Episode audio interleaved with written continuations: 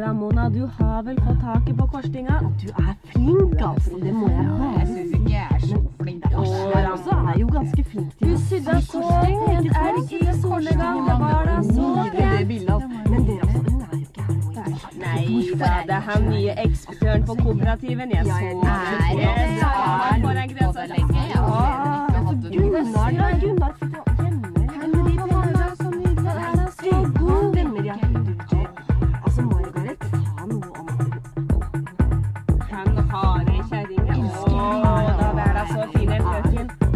Radiobrakel for hele syklubben. Spis litt mer fyrstekake. Å, den var god. God kaffe og god fyrstekake. Ja, deilig.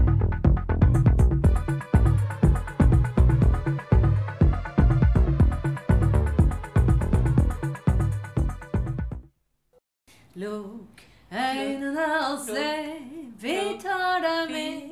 Østen for sola, vesten for Østen for sol og vesten for månen.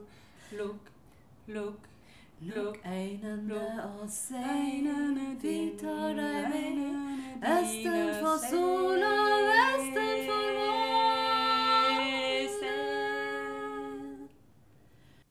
Ja, ok, fordi at jeg har tenkt å ta en sånn vandrehistorie som er veldig eh, annerledes i samisk fortellertradisjon enn den er i europeisk tradisjon.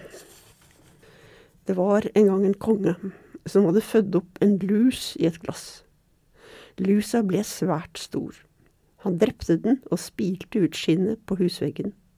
Så lovet han dattera si til den som kjente til hva slags skinn dette var. Mange folk kom for å se, men ingen kjente det. Da kom en omskapt ulv fra fjellet og sa, Kjenner dere ikke det? Det er jo et drittluseskinn. På den måten kom den til å få kongsdattera. Men kongen ville narre ulven. Han kledde opp fjøspiken og ga henne til ulven. Ulven tok henne med og førte henne inn i en tett skog. Så spurte ulven piken, Hva tror du at det du ser her kunne brukes til? Voi, det kunne bli fine soplimer, det, sa piken. Da forsto ulven at det ikke var kongsdattera, men fjøspiken, og han brakte henne tilbake til kongen. Da tok kongen og pyntet kjøkkenpiken og ga henne til ulven. Ulven gikk igjen til den samme skogen. Der spurte ulven for å teste henne. Hvilke gode emner er det du ser her? Voi, det der kunne bli fine visper, sa piken. Da skjønte ulven at det var kjøkkenpiken, og han førte henne tilbake til kongen. Så måtte kongen gi dattera si til ulven. Ulven førte også henne til skogen, og spurte også henne. Hvilke gode emner ser du her? Piken kjente ingen emner. Da skjønte ulven at det var kongsdattera, og han førte henne til hulen sin. Gutten var omskapt til en viss tid å gå som ulv. I hulen var han alltid menneske og en svært vakker mann, men når han gikk ut, ble han en ulv. Der levde han sammen med kongsdattera. Så lengtet kongsdattera etter å besøke faren sin. Gutten syntes ikke om det, for det var ikke lenge til tiden hans som ulv var omme. Han måtte likevel la kongsdattera gå, men han tillot ikke kongsdattera å fortelle at han var et menneske. Kongsdattera lovet det, men kom likevel til å fortelle det, og gutten ble gående som ulv alle sine dager. Hei og velkommen til Lukk øynene og se. Jeg heter Heid Gjerstad. I dag skal jeg snakke med Brita Pollan, som du nettopp har hørt lese en historie fra hennes bok 'Samiske beretninger'. Velkommen, Brita. Takk. Kan du fortelle litt om den historien du nettopp leste? Ja, altså Først så må jeg si at det, det jeg har gjort, det er jo å redigere Kvikstads fortellinger. Så dette er jo ikke min historie. Eh, jeg har valgt denne historien fordi den er en variant av en historie som veldig mange kjenner. Eh, og som har vært fortalt i Europa i, i hvert fall i 2000 år. Den eldste nedskrevne versjon er 2000 år gammel. I norsk fortellertradisjon er den mest kjent som Hvitebjørn kong Valmon. Og der ender den jo helt annerledes. Eh, og det syns jeg er et, en interessant hva skal jeg si, åpning til et, hvordan denne historien er blitt tilpasset en samisk fortellertradisjon. I andre varianter av denne historien så ender den med en lykkelig slutt. Den slutten i den samiske fortellingen, det er ikke lett å vite om den er lykkelig eller ikke. Kanskje lykkelig for prinsessen, hvis hun er blitt Hvis man kan se på dette som et tvangsekteskap. Men for ulven, som ønsket å bli menneske, så kan det være en dårlig slutt. På den annen side så har man mange historier i samisk fortellertradisjon som handler om omskapte mennesker. Og også mennesker som frivillig ønsker å bli ulver eller reinsdyr. Så her er det litt vanskeligere å vite hvordan historien har vært opplevd. Ja, og jeg kjenner også den historien fra skotsk tradisjon, tror jeg. I hvert fall hvor det er en sel, ikke sant. Et selmenneske. Eh, eller sånn selkie, som de snakker om. Kan du fortelle oss om hvordan det var at du begynte å bli interessert i samiske fortellinger? Ja, det har jeg alltid hatt veldig vanskelig for å redegjøre for. Men jeg tok øh, det som het folkeminne grunnfag en gang for veldig lenge siden. Da var det to eventyr fra samisk fortellertradisjon på pensum. Eh, og de var så merkelige eh, at jeg ble nysgjerrig, for å si det enkelt. Og da jeg senere skulle ta en hovedfagsoppgave i religionshistorie, så valgte jeg å prøve å finne ut noe av kulturbakgrunnen for at historier kunne fortelles på en så spesiell måte. Og hva som lå bak denne uh, virkelighetsforståelsen som jeg ante var annerledes enn den jeg var vant til. Så det var en nysgjerrighet som ble utløst av to eventyr. Og som fikk kolossale konsekvenser i livet mitt, faktisk. Ja. Ja, og husker du hva de var? Nei, og det er det veldig rare. Jeg husker ikke hvilke eventyr det var. Men jeg kan gå til, til den boken jeg leste og finne det ut. Men det har jeg ikke gjort. Jeg husker ikke annet enn at jeg opplevde en, en nærhet med fortellerstemmen. Og jeg opplevde at dette var en direkte kontakt på en eller annen måte. Og det har jeg senere eh, fått en slags forståelse av hvordan jeg kunne oppleve det. Fordi disse historiene til Kvikstad Han ga ut fire bind med lappiske eventyr og sagnheter mellom 1929 og 1927. Både på norsk og på nordsamisk. Og han gjorde ingenting for å forandre historiene. Altså, han utga dem etter mønster som brødrene Grim hadde skapt, og som Asbjørnsen og Moe hadde fulgt opp. Men til forskjell fra dem så slo han ikke sammen varianten, han la ikke inn ordspråk. Han gjorde ingenting annet enn rett og slett å registrere hvordan fortellingene ble fortalt.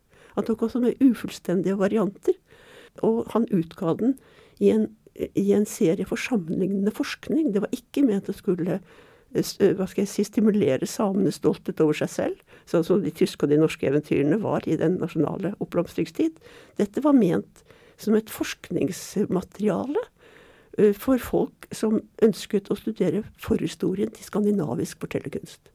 For han mente at disse historiene de var for primitive til at samene kunne funnet på dem. Men, men de, var- sånn at de måtte, de måtte stamme fra noen mer avanserte naboer. Men det innebærer at eh, sannsynligvis er det ingen muntlig tradisjon som er samlet inn så nært fortellerne før lydbåndopptakeren ble funnet opp. Så jeg liksom, i ettertid tenkt at jo, jo, jeg hørte stemmene. De var fortsatt hørbare i teksten. Eh, og jeg fulgte røsten, som man kan si. Så vet man hva han gjorde? Altså, Gikk han og rett og slett snakket med folk og skrev det ned? Eh, han var rektor på lærerskole i Tromsø, og det var mange samiske elever der. Han var, han var eh, også oppvokst i Lyngen, men fra embetsmannsfamilie, slik at han sto utenfor den samiske kulturen. Eh, men som, som rektor på lærerskolen så ble han tvunget til å lære seg samisk. Han var en veldig dyktig filolog. Og så, og så eh, spurte han ut studentene, og så fikk han andre eh, eh, eh, samer til å samle for seg og reiste rundt på sommerferien og samlet inn. Eh, og han var eh, han var en strålende filolog, så han har gjort like mye for bevaring av det nordsamiske språket som, som bevaringen av fortellertradisjonen. Det er i det hele tatt Han har gjort en kjempeinnsats for den kunnskap som vi har om samisk kultur. Og, så noe av det er eh, rett og slett skrevet ned av han, og noe av det er skrevet ned av eh, folk med samisk som morsmål. Ja, og alle er fortalt av samer med, samisk som morsmål. Mm. Så har han med noen få eventyr i disse fire svære bindene som var samlet inn før hans tid. Og som var av Jens Andreas Friis eksempel, og som bare foreligger på norsk. Ja. Men man, det er en det er veldig mye som skjer i disse eventyrene som ikke skjer i norske eventyr. Eh, og som reflekterer andre mennesker, andre måter å, oppfatte livet på, og andre verdier. Og det er også en del aktører som, er, som ikke forekommer i norsk fortellertradisjon, som Stallo f.eks., som veldig mange har vært borti. Men det er også Truder, og det er Jedgarskolen, og det er andre som er fremmedartete, og som er veldig komplekse figurer. eh, som ikke er abstraherte på samme måte f.eks. som det norske troll, som alltid er dumt og stort. Så Stallo han kan ligne på troll av og til, men han kan fremtre veldig, veldig, på veldig, veldig mange andre måter også. Så, Ja, For de som ikke kjenner til Stallo, hvem er det? Ja, altså det er eh, eh, Det er vanskelig å gi et entydig svar på det, fordi at han er eh, Han kan vise seg på mange måter, men han bor liksom litt i utkanten av normal eh, eh, menneskevirkelighet. Han blir ofte forelsket, det blir man ellers ikke i et samisk eventyr. Og han mislykkes i kjærlighetslivet, det er de snille historiene om ham på en måte. Andre ganger så er han farlig og ypper til strid, og, og, og kan drepe. Og, kan, og onde mennesker kan sende en stallo på andre hvis de ønsker dem ondt. Det er et, et, et, veldig mange typer historier om Stallo. Så han er levende, og ikke abstrahert. Og det er jo noe som, eh, som selvfølgelig har sammenheng med at dette er en muntlig fortellertradisjon. For det er jo først når eventyrene blir, kommer på skrift, at man begynner liksom å tenke på hvem er nå egentlig Stallo, og forsøker å få et entydig svar på det. ikke sant? Ja. I den levende historien, så er det, i den levende historiefortellingen så er det ikke slik. ja, det er sånn med huldra. Ja. At uh, noen, hvis noen snakker om huldra, eh, hvis noen eh, utenfor Norge hører om huldra, så er det sånn Å ja, det er en fin dame med hale. Ja. Eh, men eh, hvis man hører folk fortelle historier, så kan hun være på mange måter en fugl, f.eks. Ja, det er, det, er, det er en god sammenligning. En hullefortelling som jeg elsker, er en som ble samlet inn i Sørkedalen i 1950-årene. Altså, det finnes jo veldig mye folkeminner som er samlet inn, ikke sant. Eh, og der var det en, en lokal person som så en, en huller. Men så sier han Men så gikk han nærmere, og så var det bare kona på nabogården. Men altså, det sier noe om hvordan forestillingene skaper virkeligheten. Ja, men Så hyggelig. Jeg vokste faktisk opp i Sørkedalen. Ok. Eh, Så nært kan det bli. Så den historien som vi hørte nå i begynnelsen, det var en vandrehistorie, som du sa. Ja, det er en vandrehistorie. Den er først kjent i et tegnet 100 år etter Kristus av Apuleius. Og Så hva er det som er av samiske beretninger som ikke regnes som vandrehistorier? Ja, det er ganske mye som er egenartede historier. Men det er også ikke bare Altså her er det en hel historie på en måte som har vandret. Men det er også mange fortellermotiv som har vandret, og som er kommet inn i helt nye sammenhenger. Eh, men som man kan kjenne igjen. Det har vært Altså samene har jo ikke vært et isolert folk. Eh, men de har eh, hatt sin kultur som de har formidlet gjennom muntlig tradisjon. Og så har de jo vært på fiske i Lofoten, og de har vært sammen med andre, med nordmenn, og de har reist litt rundt omkring. Eh, og, og det er en kjent sak at eh, når det var landligge på disse sjøfiskene, så fortalte man historier. Der plukket de opp litt. Eh, og det er altså eh, lett eh, altså, eh, å se at noen av disse fortellerne har vært i- store kunstnere. Altså alle fortellingene som Skvikstad har samlet inn, de er, eh, der kjenner man informanten. For det var, et, det var et forbilde som Grim allerede startet. Hvor og av hvem dette var fortalt, og når det var fortalt. Det er alltid oppgitt. Ja.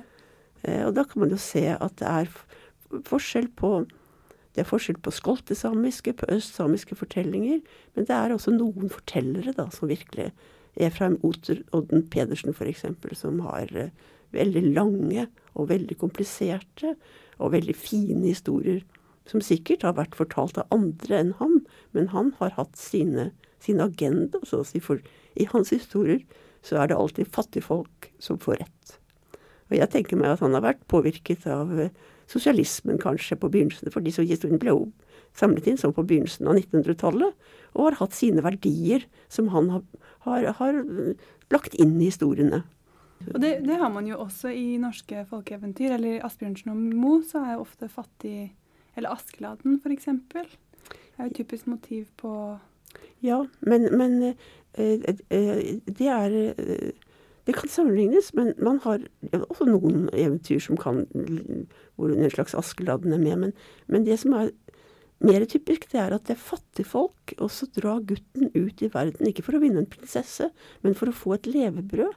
Og så kommer han tilbake, og så deler han sine, det han har fått, så klart, fordi han er ærlig, fordi han lytter til rådene til gode kvinner og menn i marka.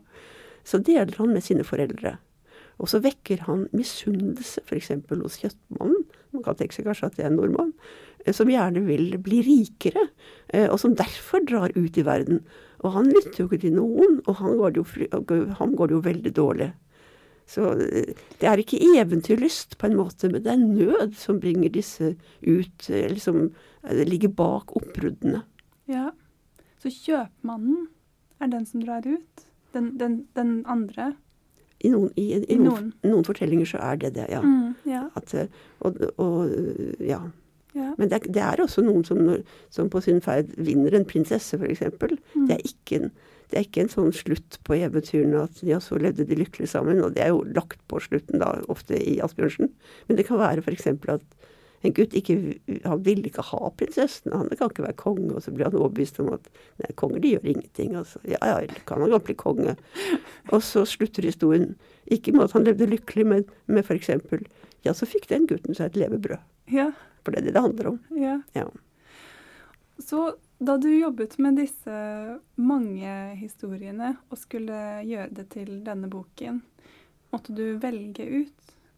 Ja, Det måtte jeg. Eh, fordi at, og det er ca. tre fjerdedeler, tror jeg. Og dette, jeg sitter her med en pocketutgave, det er enda mindre. Eh, men altså, som jeg sa tidligere, så har Kvikstad tatt med mange eh, ufullstendige varianter.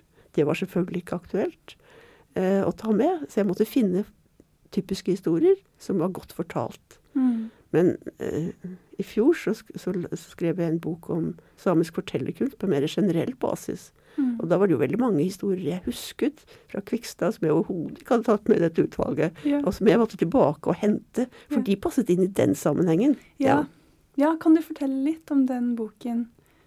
Eh, en same forteller til en annen same? Ja, slik den ene samen har fortalt til den andre samen. Mm. Ja, altså det er, det er et forsøk på å gi et bilde av samisk kultur ut fra de muntlige, for, uh, muntlige fortellingene som foreligger. De er selvfølgelig skrevet ned, de også. Uh, jeg har ikke fått folk til å fortelle meg det. Men det er, det er samiske kilder til kulturen. Mm. Og det er det ikke mange av. Det, men det er ganske mange sånne misjonærfortellinger og, eh, og kristne fortellinger. Og de har jeg presentert i en annen bok som, med tittel 'For djevelen var alt mulig'. For de inneholder en demonisering av kulturen. Men det som er interessant både ved Kvikstad og ved Johan Turi f.eks., som var den første som presenterte samisk kul muntlig kultur på samisk, første same, Mm. det er at han ville få spor av kristningen. Altså, de, Av prosessen? Nei, det, det er få, få spor av kristningen. Det er en kultur som, er, eh, som lever på andre premisser. Og man er, er ikke opptatt av, av det kristne. Det er andre aktører som er viktige. Det er andre fortellinger. Og nå snakker vi om eh, Mener du at han, han mente det om i dag, eller er det en periode han snakker om? Nei, altså dette er fra begynnelsen av 1900-tallet. Ja. Ja. disse kildene. Og eldre fra 18, før Stadius på midten av 1800-tallet. Han var prest, Mm. Eh, som var kjent som grunnlegger av læstadianismen. Men Mm. han skrev en bok om samisk mytologi Mm. før han ble vekkelsespredikant, om man kan si det på den måten. Mm. Og så har vi trommefortellinger fra, fra 1600-tallet. yeah. Som er uh, altså trommer som er forklart av samer. Mm. Uh, og de gir et annet bilde av kulturen, Mm. selvfølgelig, enn det misjonærene og kristne har gitt. Ja. Så det jeg, jeg forsøkte å bruke min kunnskap om den muntlige kulturen Mm. til å til et sånt, ja, øh, øh, til å, å, å, å skape sannsynlige rammer, sånn som jeg forestiller meg det. At man har tenkt om liv og død og litt av hvert. ja. Og da har du rett og slett brukt den muntlige kulturen som en inngangsport til forståelse? Har bare brukt den, at det er det eneste sami, rent samiske kilder vi har. Mm. Eh, og det, det gir selvfølgelig et annet bilde av kulturen enn når den er Det er jo ikke bare at, at disse som skrev tidlig på 1700-tallet, de kunne jo ikke samisk. Mm. Og bare den transformasjonen fra, eh, fra, et, fra dansk, som var skriftspråket, og til, til å, å skulle liksom gi en fremstilling av kulturen Det er klart det er veldig mye som blir eh, rart, Ja. og som ikke stemmer. Ja. Og det er altså underlige historier altså, som, som blir fortalt av folk som har Jeg kan f.eks. gi én historie, hvis du er interessert i det. Ja, absolutt. Ja, eh, som, som, Det er en sogneprest som skriver ned en historie som er av de mer fantastiske. På begynnelsen av 1700-tallet. Han hadde åtte års utdannelse fra København og var gister og var veldig stolt av sin lærdom. Eh, og han skriver at eh, samene de, de, om kvelden så pleier de å sette ut de myke skinnskoene sine utenfor boligene sine. Og da kommer det de smådjevlene som har vært omkring og, og sørget for og bestemt alt det som foregår i samenes liv. Det er jo djevelen som styrer, og han har masse smådjevler som fyker omkring. Og de legger seg til å sove i disse skoene. Og tidlig om morgenen så går samene ut, og så snører de igjen skoene, og så skynder de seg inn, og så steker de smådjevler til frokost.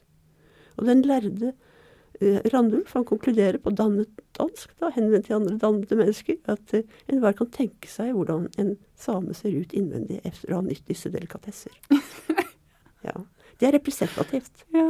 ja. Og det er klart at når man går til samiske kilder, Mm. så er jo historien en helt annen. ja. Eh, og eh, jeg vet jo ikke om Randulf har funnet på dette, eller om det er en eller annen humoristisk same som har innbilt ham det. ja. For det er mye rart i de misjonsberetningene som jeg tror eh, rett og slett reflekterer en velutviklet humoristisk sans på samene.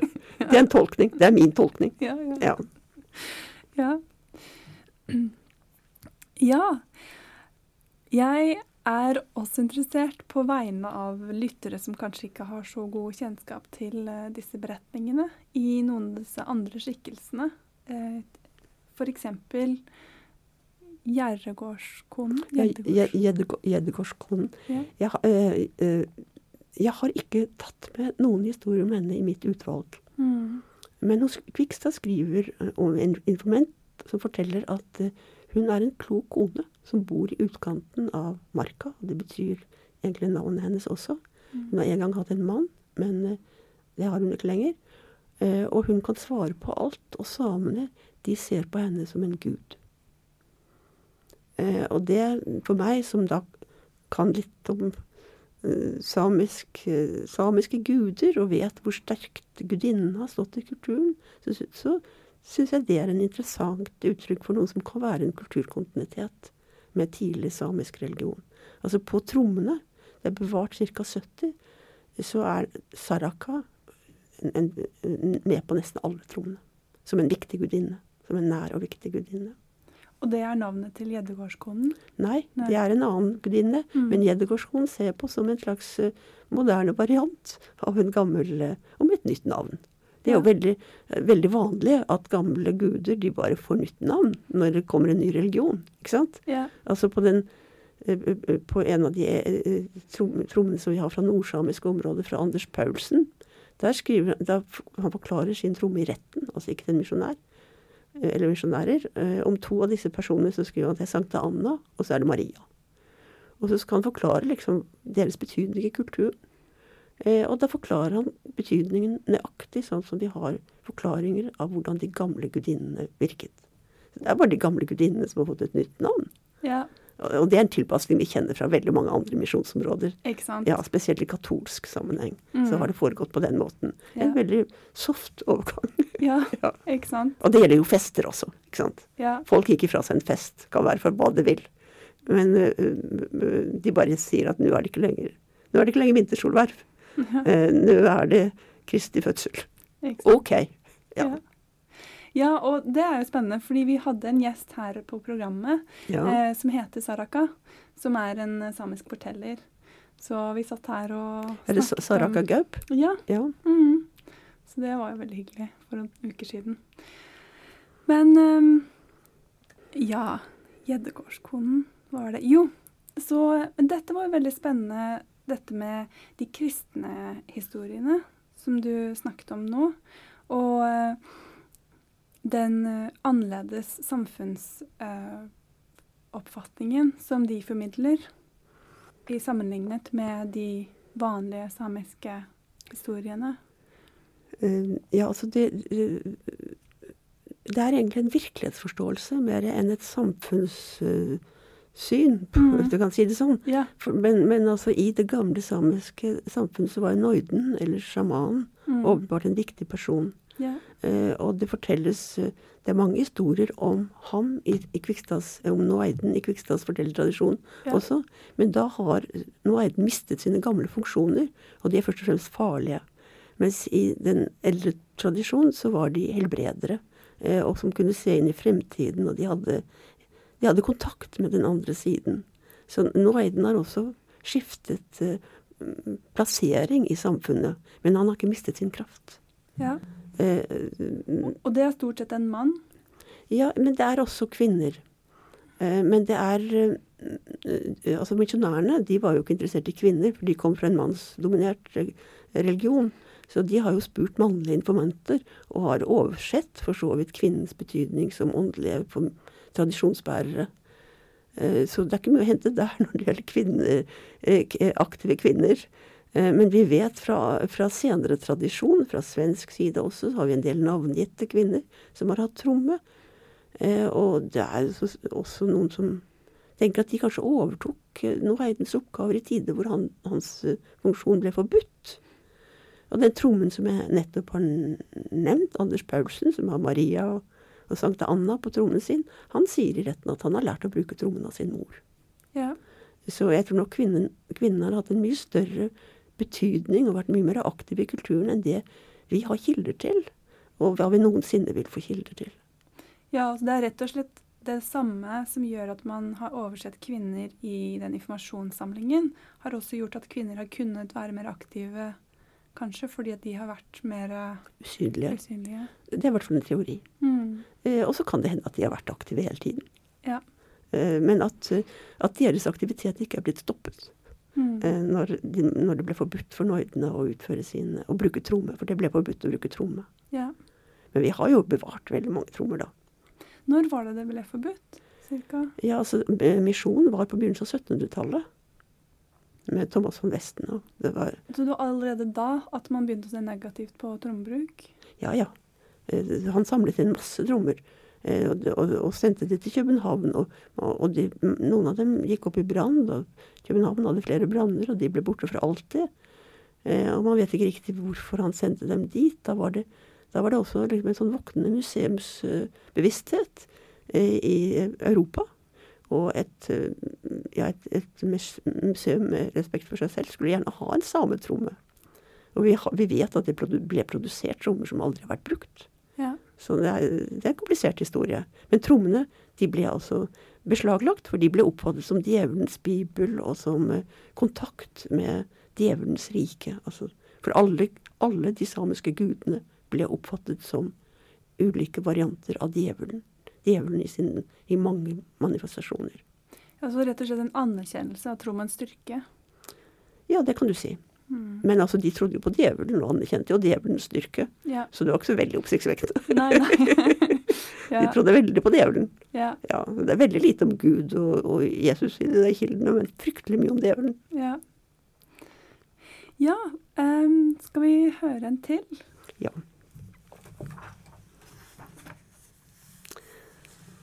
Altså, jeg, jeg, eh, da jeg tenkte i går på hvilke historier jeg skulle velge ut, så jeg, jeg tenkte en til ulven. Og så tenk, tenkte jeg å lese en historie som, som viser på hvilken måte omskaping var normalt i den samiske tradisjonen. Og, kjenner, og dette er fra skoltesamisk område, eh, dvs. Si Øst-Finnmark. Og de ble kristnet fra øst, eh, fra, fra russisk misjon, på 1500-tallet allerede. Og ikke så grundig opplært i noe som helst, men de ble nå døpt og sånt. Men de bevarte veldig mye av sine gamle forestillinger.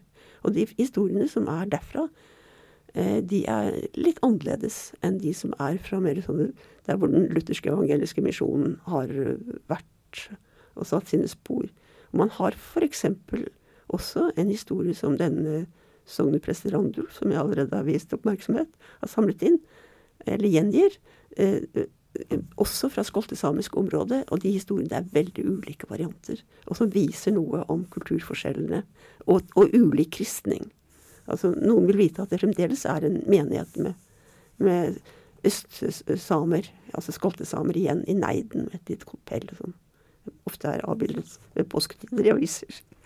Og det er i Finland? Nei, det er i Norge. Det er i Norge? Ja, i, Neiden er i Norge. Mm. Ja. Pasvik. Ja. I Notisorero levde det før i tiden en gammel mann. Han hadde en sønn som var gift, og sønnen var en god reingjeter. Hver høst mens sønnen var på reinfjellet, forsvant kallen, og han kom ikke tilbake før det ble vår. Hvor han hadde vært om vinteren, det visste ingen. En høst var sønnen igjen på reinjakt. Sønnekona tenkte at når den gamle nå igjen skulle gå sin vei, skulle hun gå etter for å se hvor han gikk. Så gikk gamlingen en dag på vei til marka, og sønnekona fulgte hemmelig etter. Da så hun at gamlingen gikk noen ganger rundt et bøyd tre, og så ble han til en bjørn og gikk videre. Sønnekona gikk også rundt det samme bøyde treet. Så ble hun også til en bjørn. Hun ga seg til å følge i sporene til gamlingen, og nådde ham igjen. Gamlingen sa han, nå brakte du nok ulykke over oss begge siden du også kom. Nå, når, når nå mannen din kommer fra jakta og ikke finner deg hjemme, går han naturligvis ut for å lete etter deg. Så finner han sporene våre og tror at her har det gått to bjørner. Han følger etter sporene og skyter oss begge.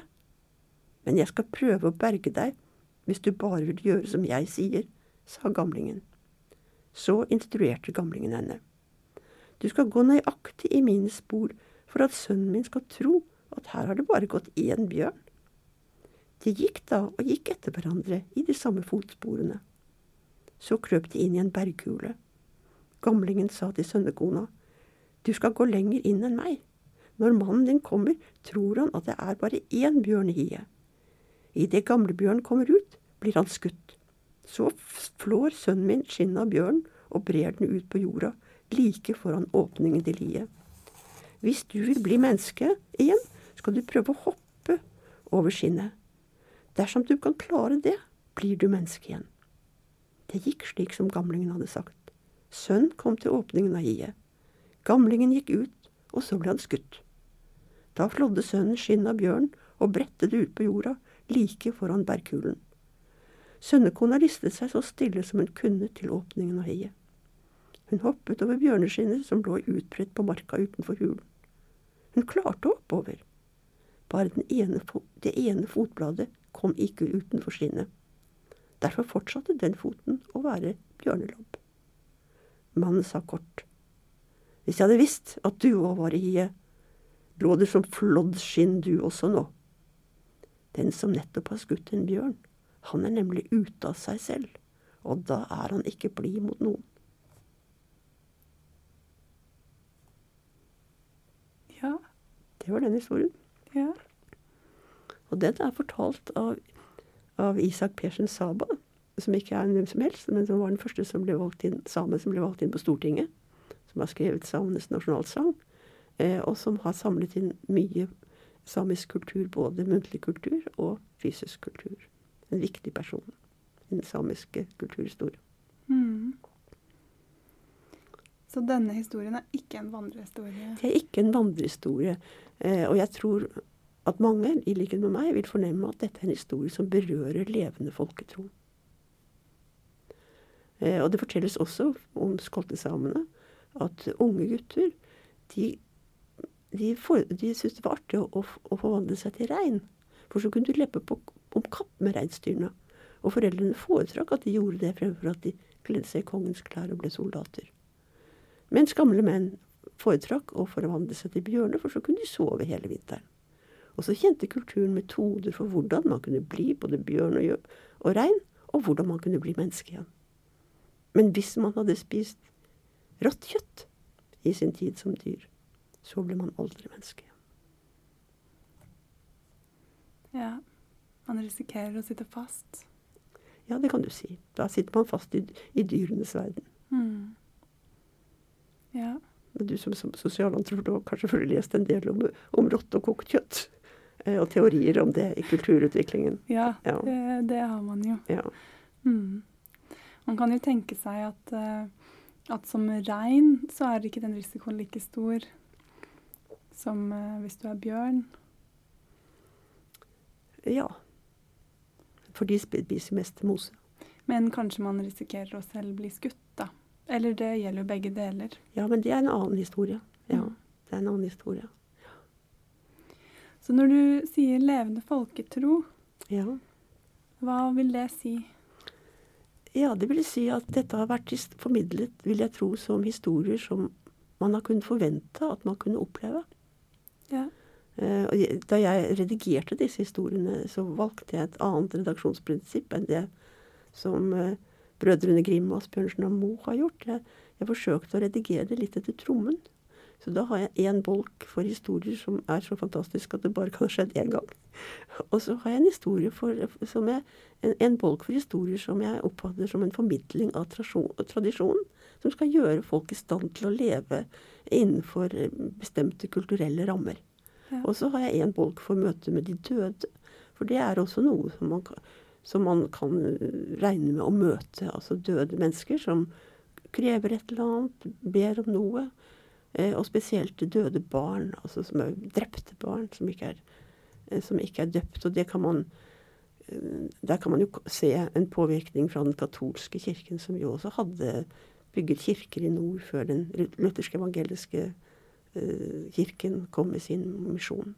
Og noe av, noe, en del andre ting også, som helligdager og fastedager og sånne ting, som satt dypt inn i den samiske kulturen, og som var overtatt fra en katolsk tid. Og som forsøksvis ble avskaffet, selvfølgelig, eh, når eh, luthersk evangeliske misjon- kom inn. Altså Maria, f.eks., som en forklaring av en kvinne på trommen. Det var ikke aktuelt i luthersk evangelisk tid, for da var Maria ikke fullt så populær. Ja. Så dette er altså fordelingen i denne boken 'Samiske beretninger', for de som ikke hørte på i begynnelsen. Ja, da er jeg jo veldig interessert i denne andre fordelingen, eh, andre bolken som du snakket om.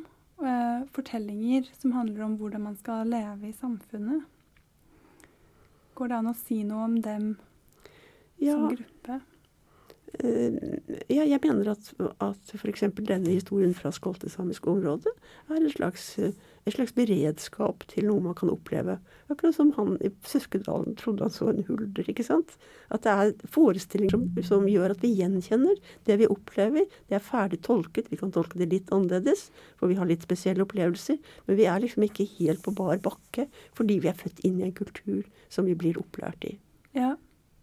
ja, hvis man opplever at svigerfaren blir borte om vinteren, så kan man være nysgjerrig, men man må passe seg for å bli bjørn. Ja, altså det Det kan man f.eks. tenke seg her.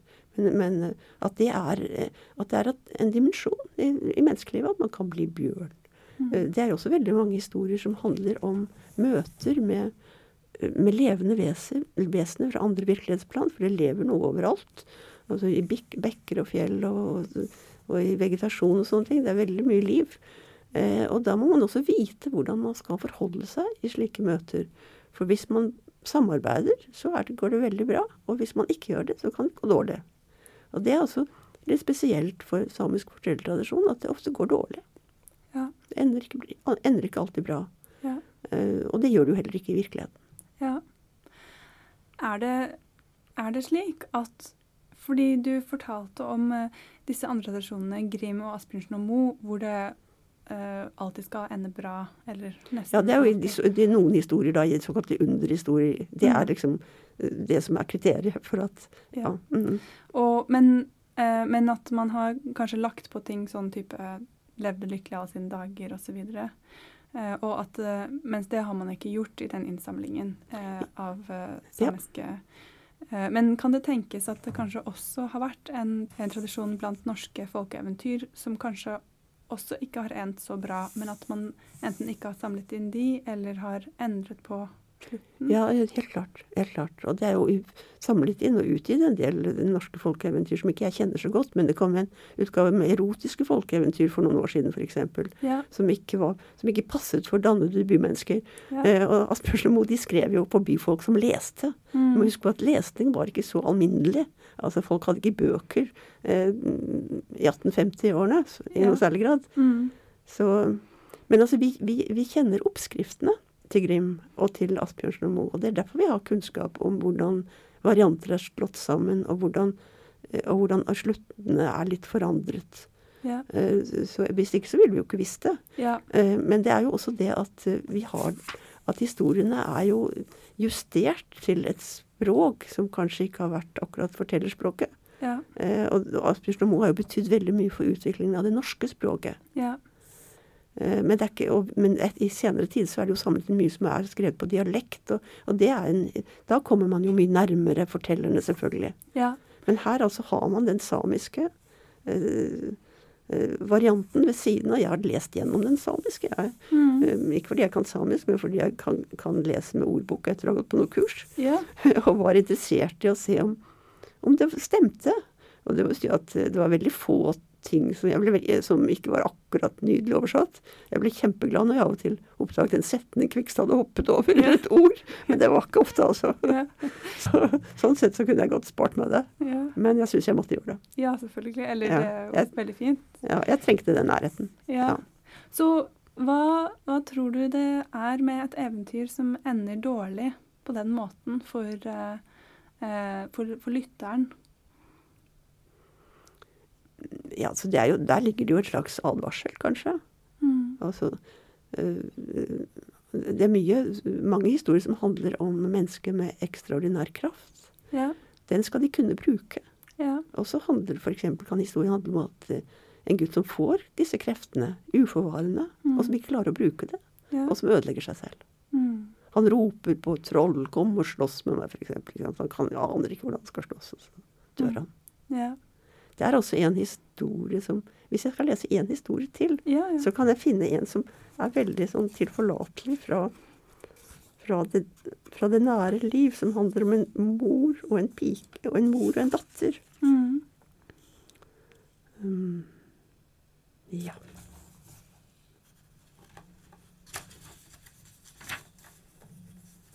På den tid, da det var hedninger i sameland, pleide samene fra Enare å bringe foreldrene sine ut på øyer og innsjøer når de ble så gamle at de ikke lenger kunne arbeide. Det var en gang en gammel kone, som hadde en datter som var både lat og slem. Hun gjorde ikke noe arbeid på gården. Når mora sa til henne, Voi, voi, din lating, hvordan skal du klare å stelle et hjem? pleide datteren å svare, Men du er slem, du skal alltid klage på meg.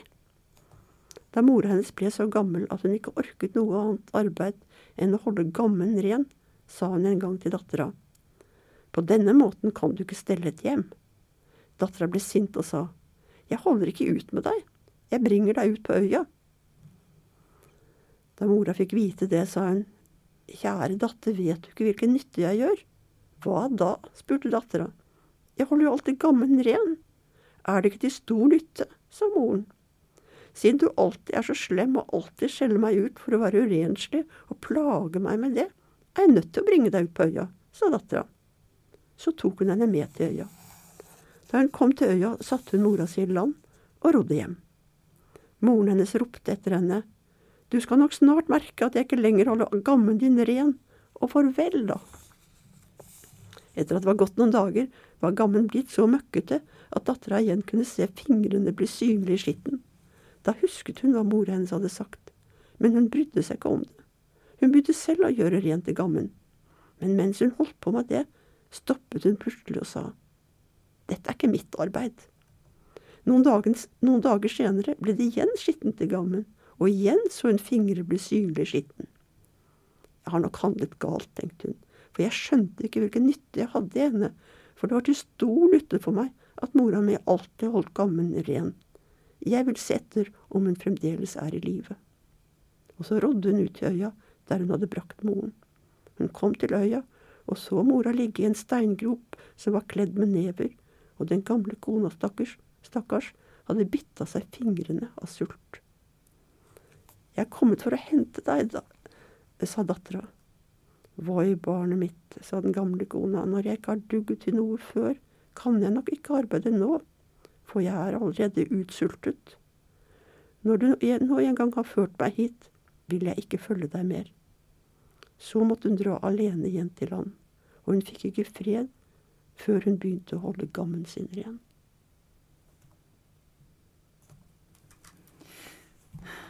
Ja, det var en ganske tung historie. Det er en tung historie. Eh, Men vi vet jo at det har vært vanlig å begrave bringe folk ut på øyer. Og vi vet også fra andre historier at det å forlate gamle mennesker når man dro av sted fra det ene beiteområdet til det andre, eh, også har vært praktisert. Det kjenner man til fra andre nomadekulturer også. Så dette er jo beinharde livsvilkår. Mm. Men det er den er fortalt med, syns jeg, da, med veldig stor realisme. Mm. Ja, du kan tenke deg det, det mor- og datterforholdet Ja. i Kammen. Ja. Den, den kan være hvem som helst. Det kan være hvem som helst. Det er tidløst. Ja. En tidløs krangel, kan man si. ja. Mm. Og at uh, barn og uh, angrer, Mm. er også tidløst. Mm. Og så er det for sent. Ja. ja, jeg ville også spørre hvordan du har opplevd det å være norsk og jobbe med samiske historier. Om det har vært en prosess for deg, eller hvordan du har forholdt deg til eh, dette. Ja, kanskje jeg kan svare på det, at jeg har, jeg har fått et nytt blikk på min egen kultur. Og det tror jeg veldig mange opplever. Hvis de går inn i en annen kultur, så ser de sin egen kultur utenfra. Det har vært veldig viktig for meg, veldig fruktbart. Jeg har også, også fått et nytt blikk på, på den kristne historie. altså den Kristendommen som ble påført samene med tvang, den var forferdelig primitiv. Eh, Den verste kristendomsvariant du kan forestille deg. For kristendom eksisterer jo også på mange nivå. Så det var ikke det aller høyeste. Altså, og jeg, jeg har fått eh, mange tanker om min egen kultur. Nå er jeg religionshistoriker. Sånn at liksom den komparative religions, eh, det, komparative religionsblikket det er liksom noe jeg har tilegnet meg. Ikke bare ved det samiske, men det er den kulturen jeg har gått dypest inn i. Fordi jeg har kommet nærmest i kraft av den muntlige fortellertradisjonen. Ja. Så ja, det har vært eh, viktig for min egen frihet også, i forhold til det jeg er født inn i. Ja. ja, det kjenner jeg igjen. Ja, ja det vet jeg. Når man er i et annet samfunn, så Ja, for meg så var det jo i Himalaya, men, eh, men forskjellene er såpass store at eh, at, at jeg absolutt klarer å se mitt eget samfunn på andre måter. Og det opplever jeg som en eh, god ting, da. Ja, altså for meg så, Jeg har også vært i Tibet og i Nepal og to ganger og i India og sånn. Vært en del i Asia. Eh, og det har også vært et, et viktig blikk for meg. Eh, og der, der eksisterer det jo, spesielt i indisk litteratur, så eksisterer det jo eh, skrifter på et veldig høyt filosofisk nivå. Som også gir et slags eh, nytt blikk på ens egen kultur, som ikke har noe tilsvarende. Eh, og det husker jeg, Da jeg tok grunnfag i religionshistorie, så hadde jeg buddhisme som spesialfelt den gangen. Jeg hadde ante ingenting om at jeg skulle bruke tid på det samiske. Eh, og da var det en slags aha-opplevelse å forstå at eh, veldig mange av de begrepene som var lavet, skapt på sanskrit og pali, var uoversettbare til norsk. Ja. Eh, og jeg, jeg leste pensum på tysk, og der hadde de sanskritordene i, i parentes. Ja. Og det var ikke mulig for meg å gjøre noe annet enn å lære dem utenat. ja. Det var, det var en, en vekker ja, ut av det lokale og provinsielle, hvor vi alle starter. Ja. ja, for når du er i et samfunn, Ja, så vet du ikke hva som er menneskelig, og hva som er ditt eget samfunn. Du tror enten at ditt eget samfunn er sånn det skal være, eller at Og da er det veldig nærliggende, når folk er annerledes, å tenke at sånn skal ikke mennesker være. ja. Det er jo en tanke veldig mange har. Eh, og som, er, som åpenbart er kilde til svært mange konflikter. Og mye altså, rasisme, mye angst for det fremmede. At man har et så snevert syn på, på hva mennesket er. Kjenner så lite til historien. For bare ved å gå inn på den egne historien, så ville man jo se at dette er forferdelig mange kulturelle varianter. Eh, hvis man tilegner seg den slags kunnskap. Men det er veldig lett å, å tenke at det som er, er det eneste som er. Ja. Det, det er det jo. Slik er vi jo innrettet. Altså at vi har den bevisstheten. ja. Skapt slik. Skal jeg bare passe på at det ikke er noe jeg har glemt her. Ja, jeg vil også høre litt. Du har jobbet med en forteller, Pernille Binot, ja. Binot. Ja. Hvordan, hvordan var det å jobbe sammen med en forteller? Ja, det har vært kjempemorsomt. Hun er en storartet forteller. Og hun forteller hun, eh, forteller hun har valgt ut egne historier. Altså, jeg har undervist i samisk fortellerkunst på høyskolen i mange år. Eh, og da har jeg presentert en del fortellinger. Hun har også gått på den utdannelsen. utdannelsen. Men de fortellingene hun var interessert i, var helt andre fortellinger. Det syns jeg også var morsomt. Eh, så det, det har fungert veldig bra. Så vi har vært eh, mange steder eh, sammen. og vært på i fengsel og på sykehus og vært litt rundt omkring. Og, vi, og da er det hun som forteller, dramatiserer. Mm. Eh, og så gir jeg litt sånn eh, randopplysninger. Forteller om andre ting, liksom. Ja. Som gjør at man kan forstå. Ja, du forteller om hvor, hvor historiene kom fra. Ja, for og- hvordan de er samlet inn. For det syns jeg er en veldig viktig og, og kunnskap omkring disse historiene her. At de er det, det, det- Dette er jo en del av verdenskulturen, ikke sant. Så er, vi kommer veldig nær en, en, ikke, altså, en muntlig kultur. Ja. En skriftløs kultur. Mm. uh, som, som det er mulig å forholde seg til. Det er jo helt en enestående invitasjon for Ja. de som tar den. Ja. Mm. Ja, som er helt annerledes. Helt annerledes. Mm. Og språket er jo veldig viktig for, for, som en strukturering av opplevelsene. I språket ligger de også på en måte innbygget fortellinger som ikke behøver å bli fortalt, fordi de er der. ikke sant? Altså Sånn som korset, eksempel. Vi, vi har jo fortellingen klar. Eh, og det er jo bare ett enkelt ord, men det er veldig mange andre ord også som er slik. Som har en masse referanser for den som er inne i kulturen.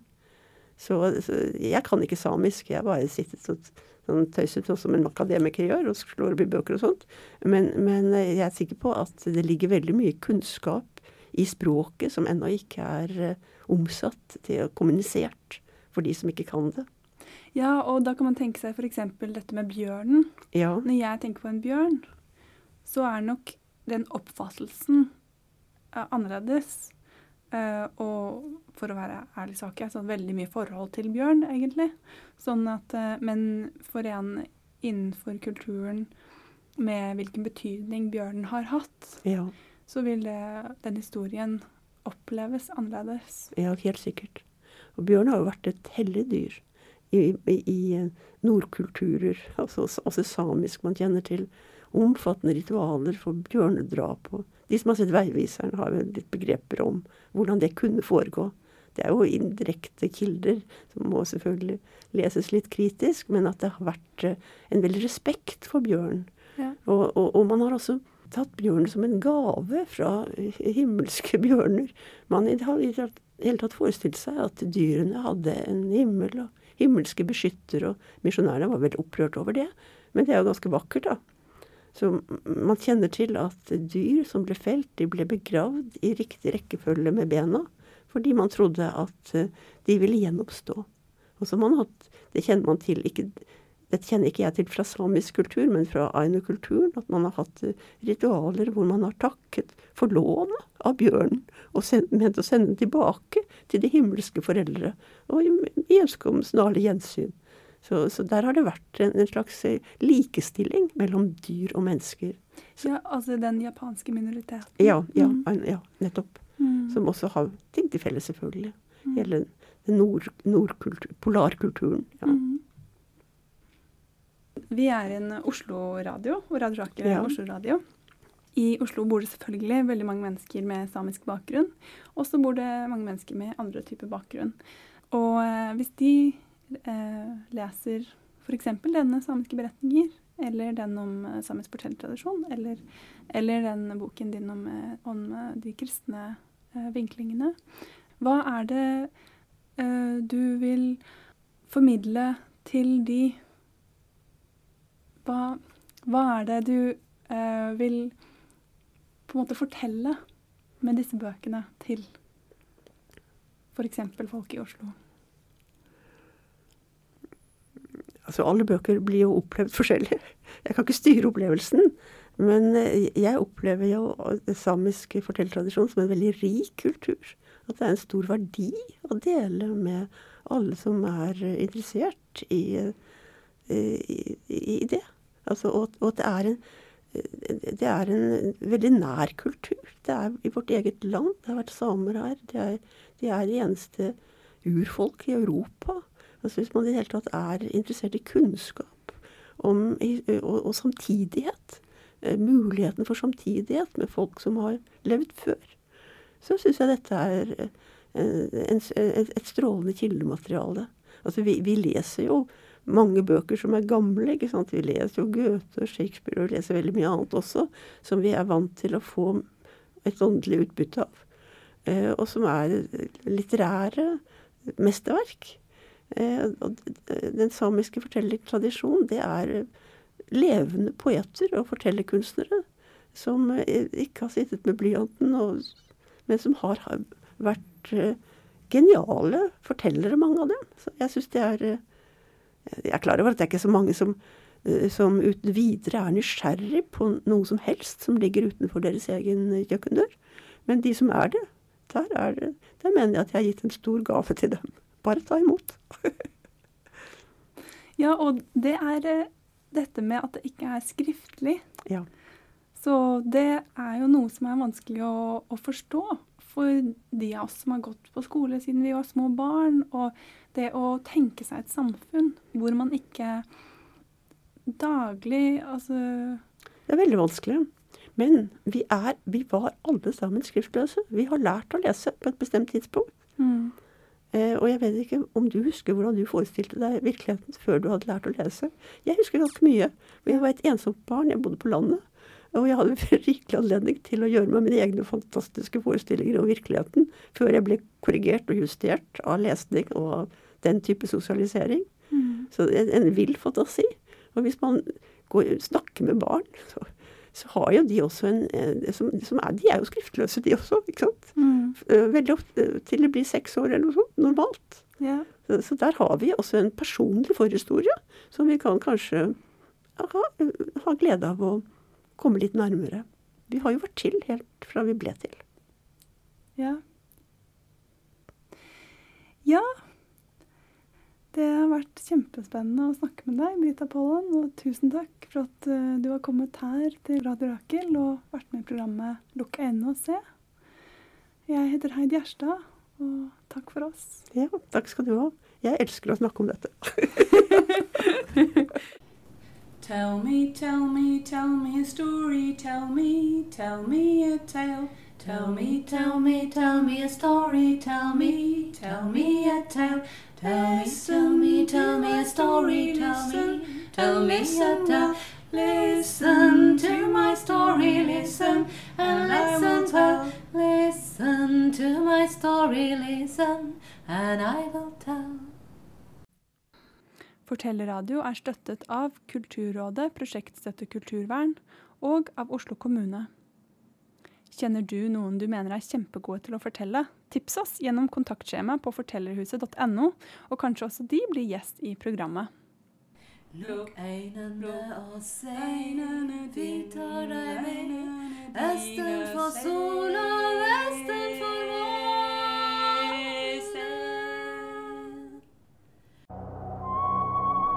Hør her, jenter. Radio Rakel er nå kommet med en ny utgave. Den er helt sikker. Du kan ri, gymme, dusje og danse. Radio Rakels minipakke er lett å ta med seg overalt. Den er helt sikker og lekker ikke. Også jenter skal leve et aktivt liv. Radio Rakel selges everywhere.